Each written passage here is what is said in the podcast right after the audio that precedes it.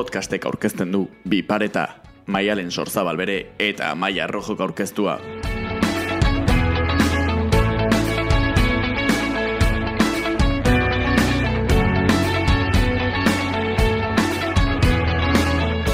Askok hobi bezala dute, beste askoren lanbide bihurtu da. Azken urteetan asko sortu dira. Zero kilometro delakoaren ordezkari gorenak dira. Haien eskuekin eta imaginazioarekin egunerokotasunean jaztekoak sortzen dituzte. Bi paretaren denboraldi berri honetako lehen atal honetan, ekintzaile artisauak izango ditugu protagonista. Ziur ikusi duzuela sareetan belarritakoak, poltsak, mototxekoak, zapiak, tokillak sortzen dituzten artisten kontuak. Zeintzu dira, nola ez ziren? Jobia ala lanbidea, asko kontsumitzen da? Moda kontua ote? Datozen minutuetan argituko dugu dena. Az gaitezen!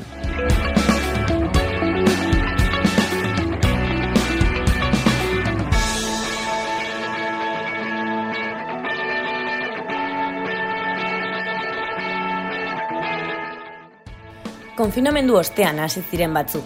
Hori da esaterako, Arika deituriko proiektuaren kasua. Mai Zenzano eta Maialen Gomezek osatzen dute ekintzaile talde hau. Nola hasi ziren jakin nahi? Ba, Arika sortu zen, konfinamendu eta gero, atxale baten ingin tira da baten.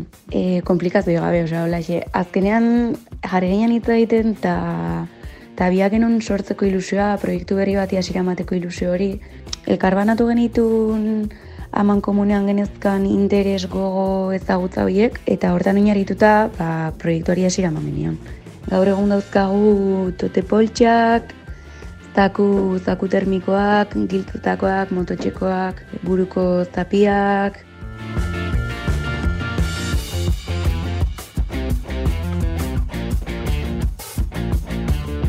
Guk hobi bezala hartzen dugu harika. Eta azken finean gazteak izan da jarraitzen dugu gaur egun oraindik formatzen, unibertsitatean, EAE aldi berean lanean, bidaiatzen. Orduan, ez da, ez dugu inoiz planteatu ea harikak lanbide bezala funtzionatuko luken ala ez. Besteria gabe guk sentitzen dugu ba, horrela izan behar dula guretzat, gure bizitako arte bat eskaintzen diogu, eta gu horrela pozik gaude eta hor, momentuz ba, horrela nahi dugu izatea. Produktuak sortzeko zaletasuna, ba, ez dakigu oso nondik sortu zen, azkenan beti, e, beti gustatu izan zaigu joskintza, bati besteari baino gehiago, nik uste e, ni berandogo hasi nintzela interes hori eukitzen, ba, bueno, ialetan, josten, eta bar, eta iritsi zen momentu bat, non hori, ikusi genuen biek genezkala gogoak josteko, e, biek genekala eskuragarri josteko makina, e, ezagutza txikiren bat bagenula, ezakit sortu zitekela zerbait hortik. Gure produktuak erosteko edo ikusteko e, modu errixena Instagrama sare sozialak. Azken finean, e, guk bakarrik Instagrama dukagu, gero ari begira ez dakigu Facebooka edo sortuko egun, baino, bueno, momentuz Instagramarekin moldatzen geha, eta bestela, ba, bueno, gertukoek, ba, WhatsAppetik edo aurrez aurre. Baina bai, bestela Instagrama izango litzateke. Arikaren moduan, saio art deituriko proiektua jaiotzen konfinamendu ostean. Proiektu hau astigarragako saioa arteagak jarri zuen martxan. Txikitatik artezale eta artistaten gazteak berak margotutako kuadroak saltzen ditu beste gauza askoren artean. Ezagutu dezagun gehiago. Saio art e, pandemia konfinamendu garaian hasi zan. Eta, bueno, bani hasi nintzen zortzuterekin astigarragako astigar e, pintura elkartean parte hartzen. Gaur egun ere hor e, bertan jarraitzen dut. Gauza hasi izan e, kaleten nindoala aurkitu nun basura ondoan e, kuaderno erraldoi bat eta barruan zauden ezagit donostiako artista baten e, kuadroak, um, laminak eta eta nik flipatu da geratu nintzen ziren mila beratzen da berrogeita maseiko kuadro, kuadroak eta zeuden super ondo eta orduan etxe dara manitun, horregin nun garbiketa, ikerketa bat egin nun, eta aurkitu nun, e, berak jarretze zuen lista moduko bat. eta jartzen zuen en plan, los mejores sitios eh, para pintar, decálogo o de, pin, de acuarelas. Eta nik ez interesgarria, eta bera, beratzen nuen lista eta zen, bos, Bahía de la Concha al atardecer, eh, una farola de la calle no sé cuantos.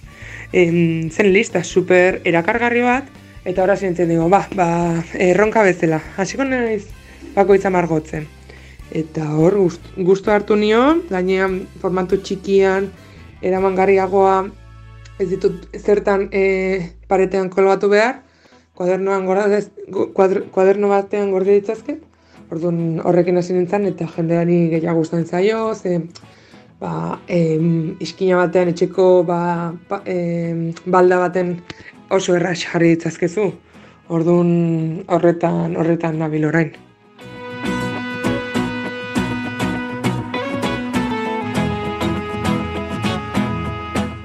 Gero, ba, saltzen hasi nintzen, Donostiko honek Gipuzkoako artisten elkartean, eta astigarragak ere gazte asambladak sortu zuen gaz, gazte azoka batean. Hasi nintzen saltzen, jendeari gustatzen zitzaion, eta, bos, ba, bida, ze ondo, ba, horre, gastatzen duten diru eta denbora guztia, ba, pixkat, e, ba, rekompensatuta pos ikusten nuen eta super ondo ze artearen mundua ez da bat ere merkea. Ez badezu gero ekonomikoki e, abantaiarik ikusten, ba, jo, ba nekagarria da, ze hori oleoak adibidez ja ez ditut egiten, zeske oso garezia da. Nik adibidez, akorela originalak saltzen ditut, ba, imaginatu, ama bost, hogei eurotan. Eta ze garestia, si, oso, oso az, si momentu batean egiten dituzu, ba, adibidez nik lan, e, marrazio batzuk, ba, amar minutu tarratzen ditut. Baina eske, dara matzat, ama urte e, margotzen. Ez dakit ulertzen den, baina osea, atzean dagoen in, lana, lanagatik iritsi, iritsi gara e, emaitz, or, emaitza horretara. Orduan niri izatea oso garestia dela hau, eta beste gauza bat, ba, ez dit osa, grazia askorik egiten. Saio hart, ba, e, Instagramen aurkitu dezakezue, e, bertan nire lanak eta azokak promozionatzen ditut, e, hor eskariak ere egin daitezke, ba, ikusten duzuena ari buruz, orduan bertan ikusi zakezuen nire lanak eta e, egiten ditudan gauzak orokorrean.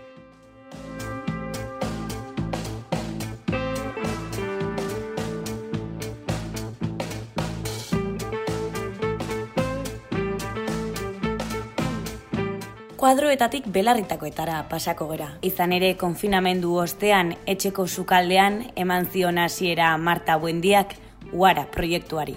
Diseinuzko belarritakoak saltzen ditu gazte donostiarrak. Uara zer da, jobia ala lanbidea? Ba, horrengoz jobia, e, lehen gudan hasi nintzen proiektu honekin, eta, bueno, horrendik azten eta evoluzionatzen ari den zerbait da. Ni gainera bitartean ikasten eta lan egiten ari naiz, orduan, dakadan denbora hori e, saiatzen naiz alekita ginen aprobetxatzen. E, baina, bueno, dena den, e, atzetik dagoen lan guztiak benetan pena merezi duela, eta uzet asko berestan nahuela, eta benetan disfrutatzen duela. Ze adibidez, em, jo, ba, pertsona horri ematen dizkedanean belarretako fitxiak, ba, berekin egotea, ba, berekin hitz egitea, eta baita ez dauketan ere, eh? e, ba, urzet oso, oso polita dela, e, sortzen den giroa, eta eta jo, ba, pertsona horrek nire zatitxo bat ere eukitzea.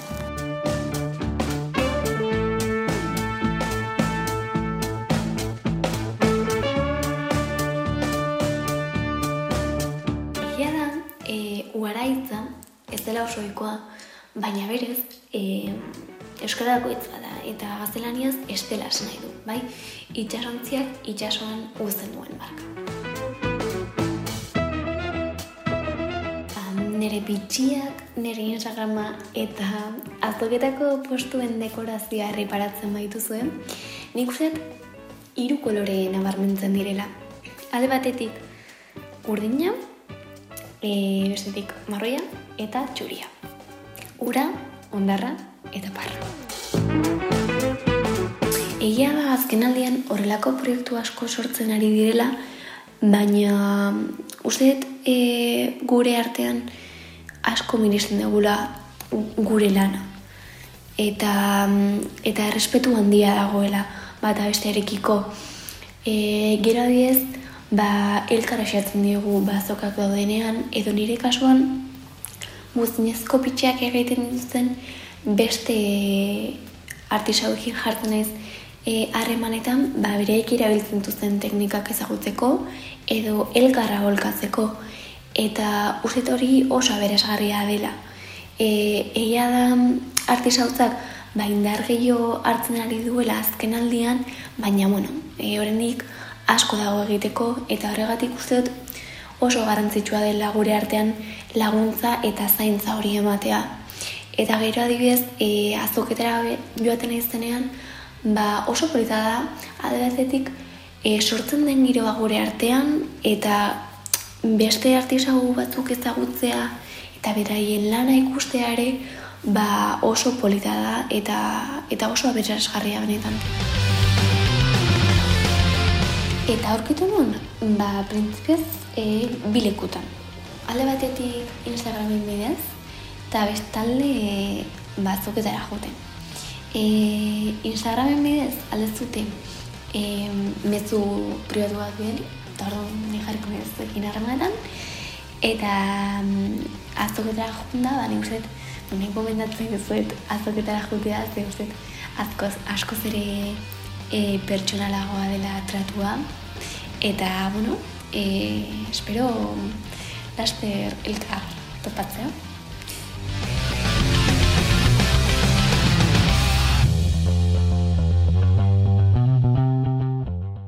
Orain arte ikusi dugun bezala, asko konfinamendu ostean hasi ziren. Beste askok urteak daramazkite ekintzaile gisa. Txatxala, dinagu, loiart eta biziki bizi proiektuen kasua da hau. Txatxala proiektua esaterako maite Anton ondarrutarrak sortu zuen duela hiru urte. Eta handik pixkatera, zigor garro batu zitzaion abenturara. Bata ondarrutarra, bestea horeretarra, donostian elkartu ziren. Gaur egun, horeretan topa daiteke txatxala proiektua. Baina zer da zehazki? Txatxala zigor eta biok osatzen dugun joskintza proiektua da. Bion artean oialak aukeratu, ero zigorrek moztu egiten ditu, eta nik josi. Txatxalaren jatorrira junda, e, ni neuk duela iruzpala urte sortutako proiektua da. Momentu zail bat ari nintzen bizitzen eta terapia bezala sortzen hasi nintzen. Izenaren jaturria ondarrutik dator, nire amomak txikitan nolan deitzen zidalako, biurri eta berbatia nintzelako. E, sortzaile grina betidanik izan, izan dut, baina bai sordio dala nire amomari, eta izebari ere bai, beraien artean zuten e, bizitzeko modua eta eta sortzaile bezala liuratu egiten induten. E, lehen aldia josteko makinan aurrean jarri nintzena izebarekin izan zen eta eta bueno, argi izan nuen hor e, noizbait josten arituko nintzela. Zigorreta biok e, pandemian ezagutu ginen, e, no, izan zen momentu oso e, txarra bezala denontzat, baina bueno, guretzat ere izan zen oso polita eta berezia, ezagutu ginen Instagram bidez, e, horre ginen elkarrekin hitz egiten, eta eta bueno, elkarre kontatu genizkion gure, gure gauza, gure bizitza, eta hasieratik ba zigorreri gustatu zitzaion txatxala proiektua eta eta ideia, eta esan zira beragor eguneko egun egon nahi zula. Eta handi gutxira elkarrekin bizitzen jarri ginen, musukoak egiten hasi ginen, e, horri esker ere txatxala bai ezaguna egiten hasi zela, eta bueno, ba, eragina handia izan du, e, positiboki pandemiak txatxalan. Proiektu hontaz bizitzea ez da bat erreza, e, ia ez inezkoa. E, zigorre bai baditu beste lan mota batzuk, baina baina bueno, ontaz e, sinisten dugu eta zaila izan arren ba, ba jarraitu nahi dugun proiektu, proiektua da. Produktu salduenak poltsoak eta eta turbanteak dira. E, gure produktuak ikusteko Instagram eta Facebookeko profilean ikus daitezke, baina badugu ere aukera bai mail bat e, bidaldi eskero, ba, estokean momentuan daukaguna erakusteko edo ditugun oialeak erakutsi eta gero ba norberak bere bere gustura ere eskatu alizateko.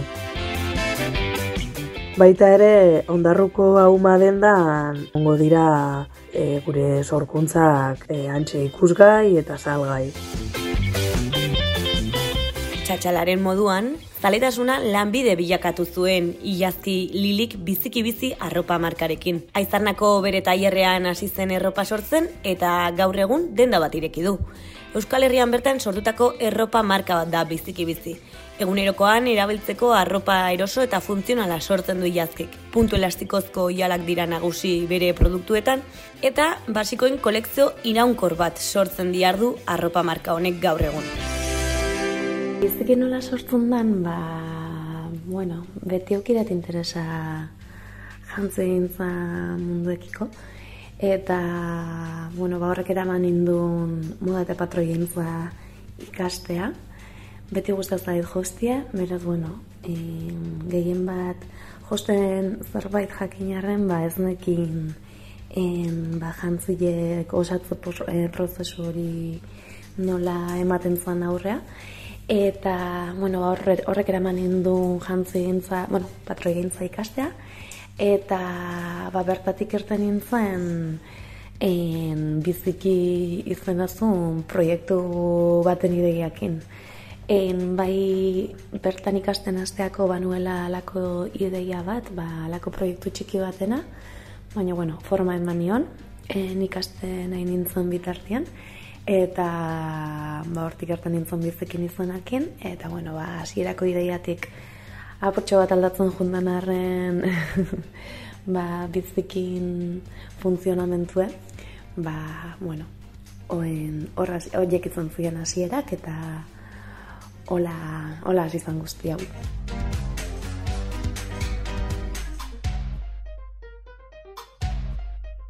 Eta bain ba, afizio hori ofizio bilakauta, ba, bagabiltz hortan. la urte pasatxo izango dira, bizikin proiektuekin hasi nintzela, hasierako ideiatik honea gozak aldatu dira, hasiera baten nahi nuelako izuen, ba, prozesu guztie aurra eraman gozun pertsona, eta nituen helburuekin, ba, ikusi nuen ez bidera garraio, ba, bueno, formak eta moduek aldatzen jo naiz, eta tartian, ba, proiektue beste lan batzukin baita ere ba, tartekatu behar izan dut, eta goin berrez, ba, onta jarrita buru belarri. Espazio berri bat, zabaldu dut, azpeitin, ere herrian bertan, e, taller den da berta pasau dut, eta bueno, ba, oin, aukera izango dut baita ere, em, ba, bueno, jendia bertan jaso alizateko, proiektu erakutsi alizateko, eta aurkeztu alizateko, Eta bueno, ba, fase berri baten sartuta, ba, ba, web aurre guztionekin.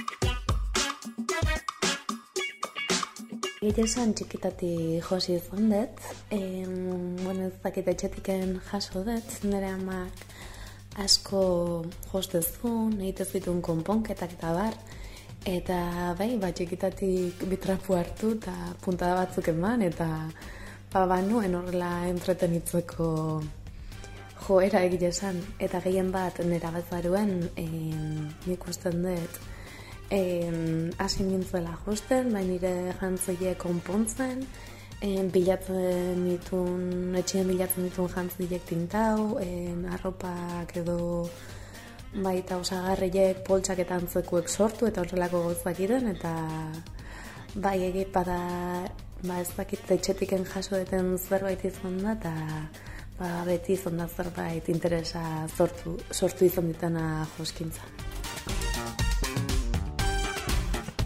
Iazki gainera, dinagu kolektiboaren parte da Leire Aiartzaguena, Maider Gaztelumendi, Agara Agirre, Edurne Kortabarria eta Karmele Salsamendirekin batera. Sortzaien nomadak dira denak, bidean sareak josi nahi dituztenak. Emakume sortzaien lana bisibilizatzeaz gain, elkarrekin alduntzea, egoera zausnartzea, eta sortzaien beharretara egokituriko ekimen berriak sortzea da dinagu kolektiboaren asmoa. Azoka eta antzeko esparruetan mugitzegean emakume sortzaileen kolektibo bat da, en, sare hori indartu nahien sortutakue, gehien bat e, moda eta irudientzan munduen mugitzegean emakume sortzailea bertan e, aurkitzen dugu mugitzen geanak, eta helburu da, ba, sare hori e, indartzia, eta elkarrekin, ba, hori gure txikitasunetik, ez, proiektu hauen txikitasunetik, ba, sare hori indartu eta elkarrekin ba, bakarrik iristezkean leku eta iristia.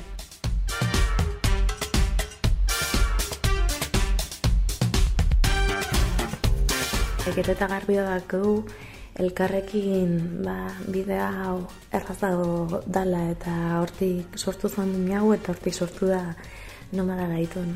Dinagu, esan daiteke pixkat kasualitatez bezala sortu zala, Elkartu ginen lau, lau sortzaile ezberdin, e, ba, donostiko gabonetako azoka baten postu bat konpartitu asmoz, e, postu hori banaka e, aurrea eramateko gaiaz ginen, eta laurok elkartuta, txandakin da, ekonomiko kire bidera garri jo egun, eta horrela ba, in, ba, hanbertan sortu genuen lau sortzaileen arteko proiektu edin hau izuna jarri genion, eta hortik abiatu zen dana, esperientzoia egona zuela ikusi eta elkarrekin ondo ba, bidie ondo e, aurrera eramateko gai ginela, ba, bueno, proiektu elagandu genunko fabrikan baitan, eta ba, segi genuen ba, e, pop-up eta bueno, den ibiltari eta antzeko espazioak sortzen.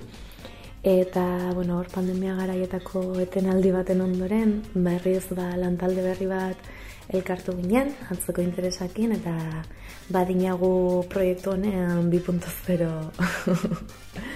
e, parti landu genuen, eta hor ja erabaki genuen, ba, lantalde handiago batekin, eta en, ba, ideia berriekin badinagu elkarte bihurtzia, eta ba hori esaten dugu e, mamerkatu honek eta baita ere e, arlo hauek sinesterazte badigut ere ba, bueno, alkarren kompetentzia ala ba, gukusten dugu kompetentziaz hain proiektu txikiek izanik. Gaina en, elkar lagundu gaitezkela elkarrekin zalantza ideia kezka, bueno, mila gauza konparti balditegula eta elkarrekin e, bide hau einaz, ba, ikusgarri jo, eta ikusgarri gehala eta aberatxo dala bide hau beha.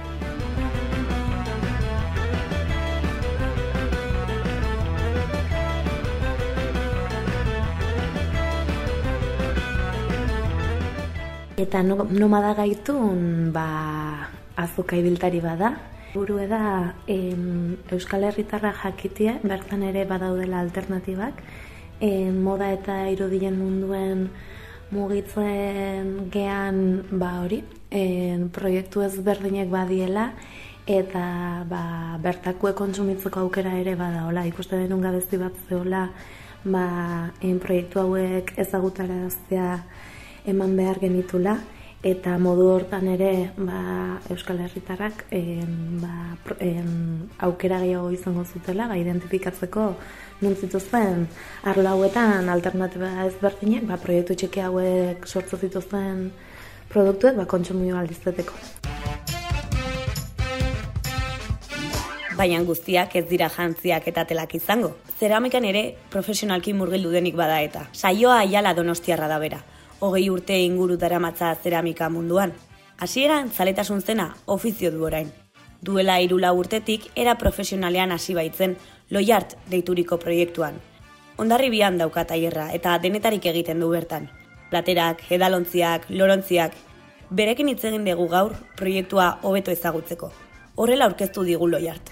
Loiart izena jarri nion e, nire keramika lan proiektuari Tailerra ondarribian kokatua dago, non bertan klaseak emateaz gain, e, nire lanak e, sortzen dudan espazioa da.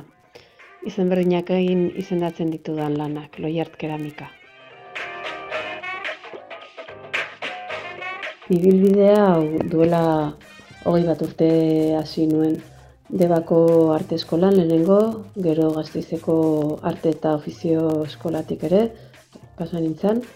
Eta hortik aurrera, ba, formazioa osatzen ju naiz, ba, maixu diren hainbat ez eramistekin. Gehi hemen inguruko tailerretan ibili naizena. Gehien saltzen dian piezak, ba, erabilgarriak dienak, bai kuenkoak, e, platera, kolakoak. Gero artistiko geho dien piezak ba, gehiago kostatzen da saltzen. E, bideak e, ez dira eginak egoten. Normalean bakoitz norberak inbar ditu, e, inbar du bere bidea, gehi bere lana, gehi iadana. Baina gustokoa ezun zerbaitean zaudenean, ba horrek asko ematen du.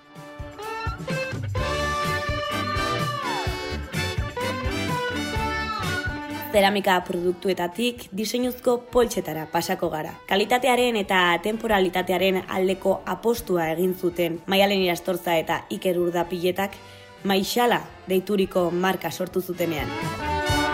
Etxean duten tailerrean jaiotzen dira haiek egindako produktuak eta ez duten modaren egutegi tradizionala jarraitzen. Bertako produkzio kontrolatuaren aldeko apostua egin dute.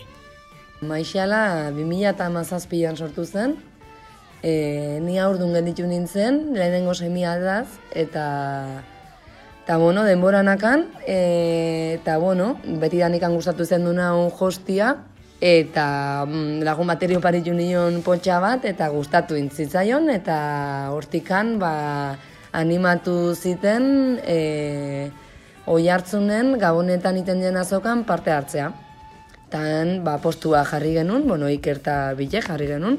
Eta, bueno, ba, rakasta izan duzun, egia esan, saldu genuen dena ustu, saldu genula, eta enkargu pila bat izan genitun. Eta, bueno, ba, ikerta bilek erabaki genuen, ba, marka bat sortzia. E, izena asmatu genuen, bilen hartin, eta eta hola sortu zen maixala.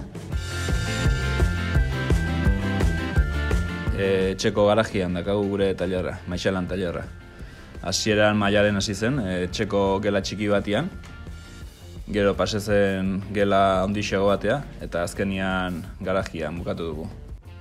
Bai, ba, dakatkigu bos makina, gero plantxa industriala, mai eder bat, horritzen dugula patroi gintza eta baita moztelanak bai, eta gero larruantzako txokua.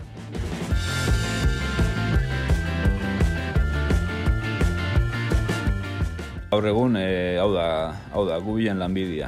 E, gure bigarren semia jaio zenian, nire lehen lanian estedentzia hartu nun, eta maia lehen jauretik ja autonoma bezala jarrita zeon, eta pues, hori esan duten bezala, bigarren semia jaio zenian nire inkorporatu nintzen proiektura, eta gaur egun bai, hau da gure lanbidea.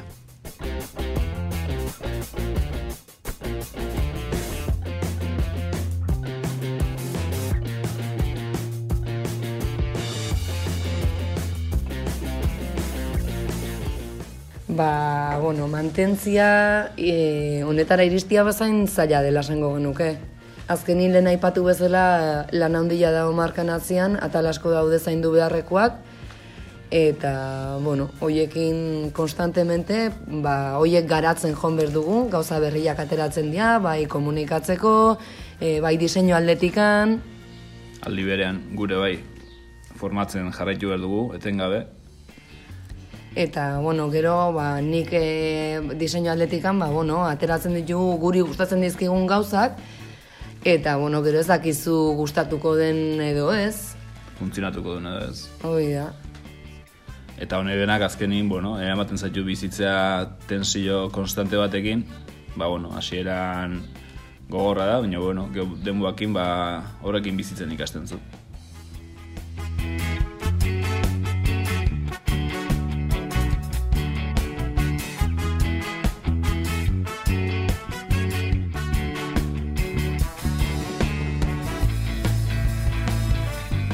Ba, esango nuke argazta gehien, e, bueno, urte osoa behintzat motxila dakatela. Ba, oso erosoa dia, eramangarriak, ba, adibidez, ba, kris modelua asko saltzen dugu, eta, bueno, iris modelua ere bai. Eta gero, ba, bontxak, ba, igual gehien bat, negabonetan eta saldu da olea modelua. E, igual izan du da, ba, e, bueno, e, bereziena edo eta gero igual noain udarari beira ba, gehiago menta, menta saltzen da, ba, igual zabala delako, kabida handia daka, eta bueno, gauza asko eraman, eraman posible etxuzulako.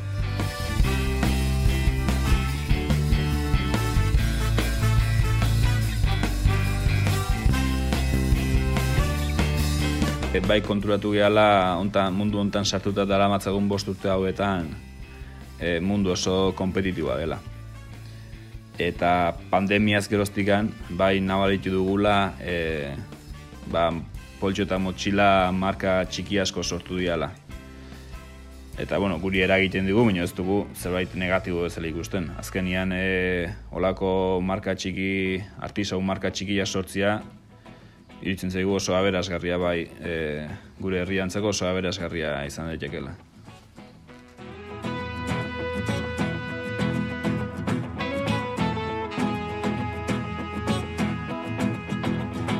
Bueno, ba, gaur egun maixala bat eskuratu nahi dunak e, bide ezberdina ditu. E, azteko gure web horria, maixala.com, bertatik gero eta jende gehiago erosten du eta oso ondo funtzionatzen du. E, bestetik, sare sozial bidez kontaktatuta, bai Instagram edo Facebook bidez. Geo, e, Gipuzkoan zehar e, zortzi denda jaba ditugu, gure produktua saltzen dituztenak. Nahi dunak eskuragarri du zerrenda web horrian. Eta bestetik gure gure tailerrea etorrita. Bertan badugu showroom txiki bat e, prestatuta. Eta baita ere jendei asko gustatzen zaio, nea etorri eta gauza bertatik bertara ikusi eta ikuitzia. Eta bide batez, ba, erostia. Eta eta hoxe izango zian, bide, bideak maixala bat erosteko.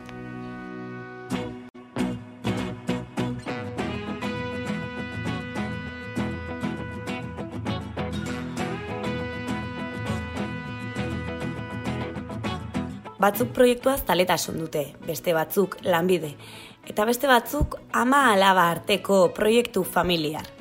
Eule eta ama biok proiektuen kasua da zaletasuna partekatzen zuten ama alabak elkartzearen erantzule dira artisau proiektu hauek.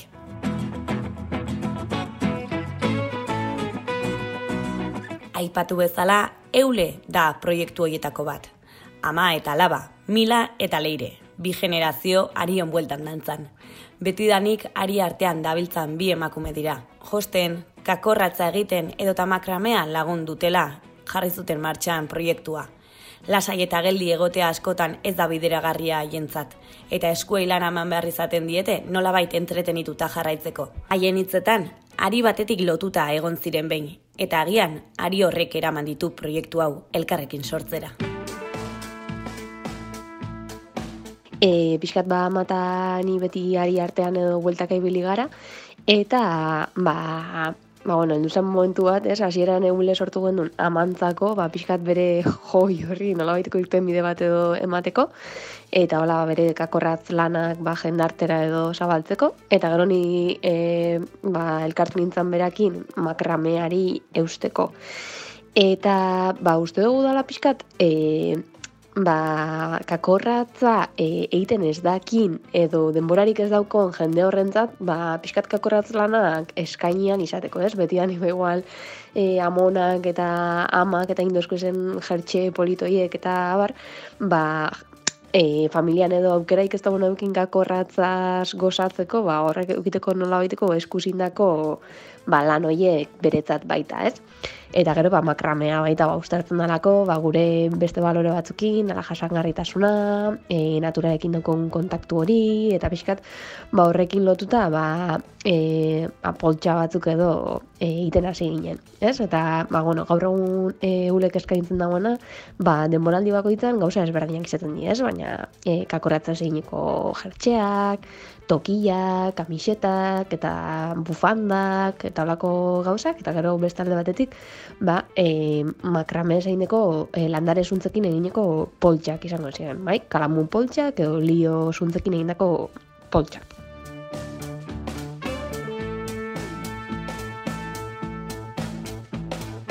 Ba, nik uste bai dala pixkat e, saia produktu jasangarriak sortza, ez? E, beti ba, zaintza egon barzara guztia, egon barzara ba, azteko materiala bera, ez? Ba, materiala jasangarri bat eskuratzen, ba, gaur egun igual ez da nierraza, eta egon mesela e, proveedore ezberdin ingana juten, eta gero bai, baino ez dakizu atzen e, zer dagoen, ez? Beti ba, saiatzen zara igual e, zuntzik jasangarriena erosten, baina benetan ez dakizu igual atzean zer dagoen, ez? Eta gero jasangarritasunan barruan bai, uste dugu sartzen dela e, ba, gure baloreak, ez? Edo gure langile moduan eukin dugu zen e, gure lana edo, ez? Eta hori oso oso zaila da sortzailearen kasuan, ez? Gure e, lan orduak ez dira respetatzen askotan, eta guzti hori, eta nik uste hori jasangarritasunan barruan bai, sartu barreko gauza badala eta hori ba oso saia da betetzea. Baina, bueno, hori ez, e, pixkat natura hartzen kontuan bakarrik, e, nik uste bai dala pixkat saia edo, ez? Baina, bueno, badago gizartean orokorrian olako aldaketa bat, eta jasangarritasunaren e, aldeko ba, eraldaketa prozesu bat, eta nik uste kerota errazago izango dala, baina ondino pixkat komplikatua dala.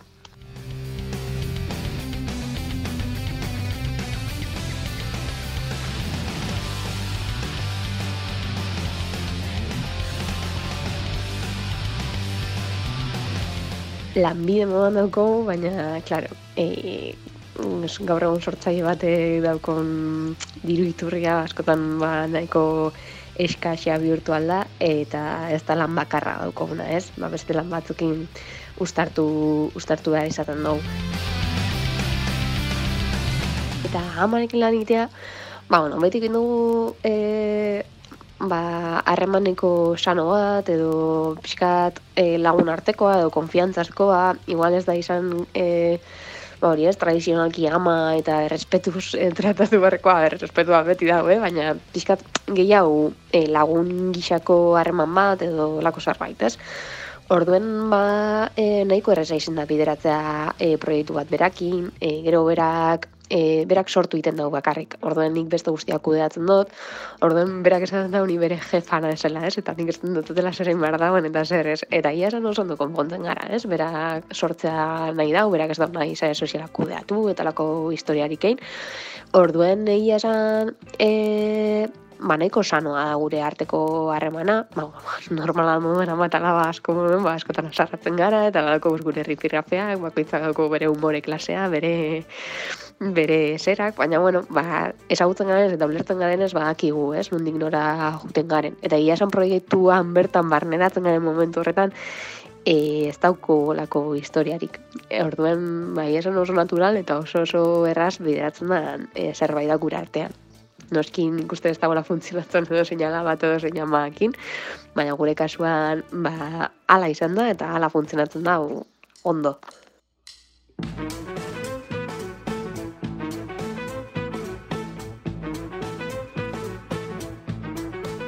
Ikusi dugu mila eta leire bikain moldatzen direla eule deituriko proiektuarekin. Baina lehen aipatu bezala, euleren moduan ama eta biok proiektuak ere ama alaba harremana du oinarri. Karla Goikotxea eta bere amak osatzen dute proiektu hau. Ez dagutu ezagun gehiago. No, ba, gure eta tamata biok, ba, sormentxoko bat bezala ba, etxean etxikoekin sortu zena eta ba, orain ba, poliki poliki ba, forma hartzen ari den zerbait baina hori beti sormena ba, erdigune jarriz.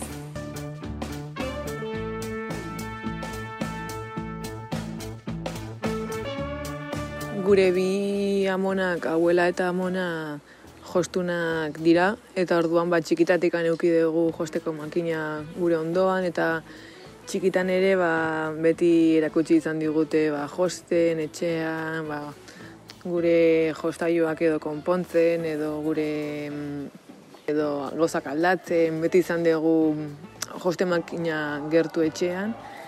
Eta hori, ba, konfinamenduan hasi ginen, ba, tinteaki nola esploratzen, e, poltsak sortzen, eta behin ja poltsuak, poltsu batzuk egin da, ba, ginen, ba, gure inguruko oparitzen. ba, lagunei, herrikoei eta hola.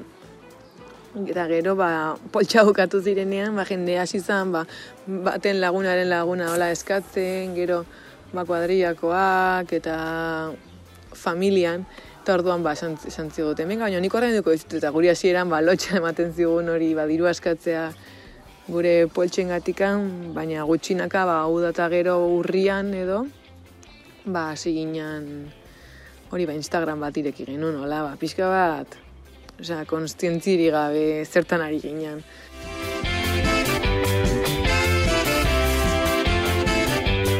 Bai, egia azken aldean bai ari dela jende animatzen bere proiektuak e, erakustera, bere oza, edo proiektu bat sortzea zerotikan. Baina lehialdetikan ba nik egia esan ez dute horrela bizi, osea, jende pila bat ezagutu dut e, artisagoa dena azoketan edo Instagram bidez eta ba, pila bat lagundu, lagundu didate, nik ere saiatu nahi zaldu danean laguntzen, ba, azokak elkarri partekatzen edo aholkoak ematen. Nik ere aldi beren pentsatzen de, ba, geroz eta pertsona gehiago ba, gaude artisau munduan sartzen, ba, hori seinale ona dela. Eta gero baita ere, ba, kontsumitzaile bezala, ba, kontsumioiturak aldatzen ari delaren seinale izan daiteke ere bai, ba, hartura puntu bat hartzen ari gerala, kontzientzia kontzientzia puntu bat, ba, e, zerbait behar dezunean, ba, lehenengo begiratu behar artisa hauek, artisa bat baldin badago zure inguruan hori sortzen duena, eta hori nik uste positiboa dela, hola herri bezala espazioak zabaltzea artisa hauei plazan larumatetan jartzeko beraien lanek erakusten, edo sorkuntza daierrak sortzea. Nik uste hori kontzientzia hori gutxinaka bari, ari dela zabaltzen edo behintzat hori pentsatu nahiko nuke.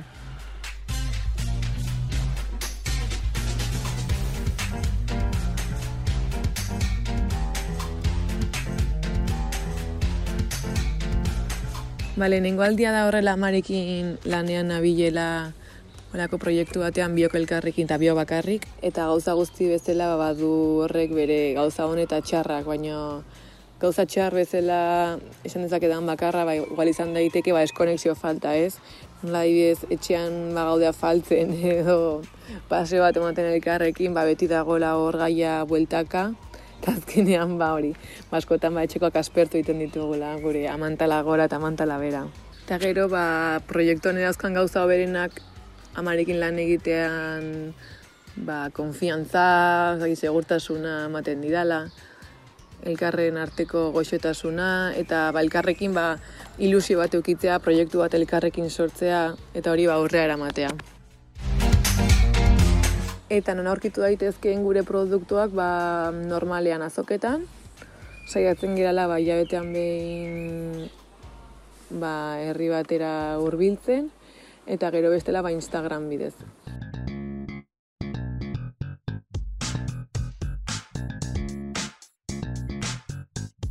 Esan daiteke ez direla gutxi izan atal honetako elkarrezketatuak. Ez dira gutxi izan ere atal honetan parte hartu ez dutenak.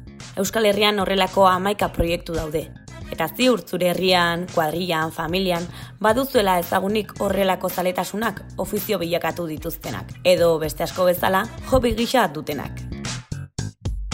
Ezagutu ditugu bikote direnak, amalaba direnak, proiektua itzaki ezagutu direnak, bakarrik diar dutenak eta lagunak direnak. Ezagutu ditugu mototxekoak egiten hasi eta egun denetarik egiten dutenak. Ezagutu ditugu lagunei opariak egiten hasi eta denda ireki dutenak. Ezagutu ditugu amonen ezagutzei jarraipena eman nahi izan dietenak. Ezagutu haiek ere ezagutzen dute elkar, baita lagundu eta saretu ere. Asko dira sortutako proiektuak, baina guztiak txikiak izanik, haien esanetan elkar saritzea jartzen da lehen lerroan kompetentziak alde batera utzita.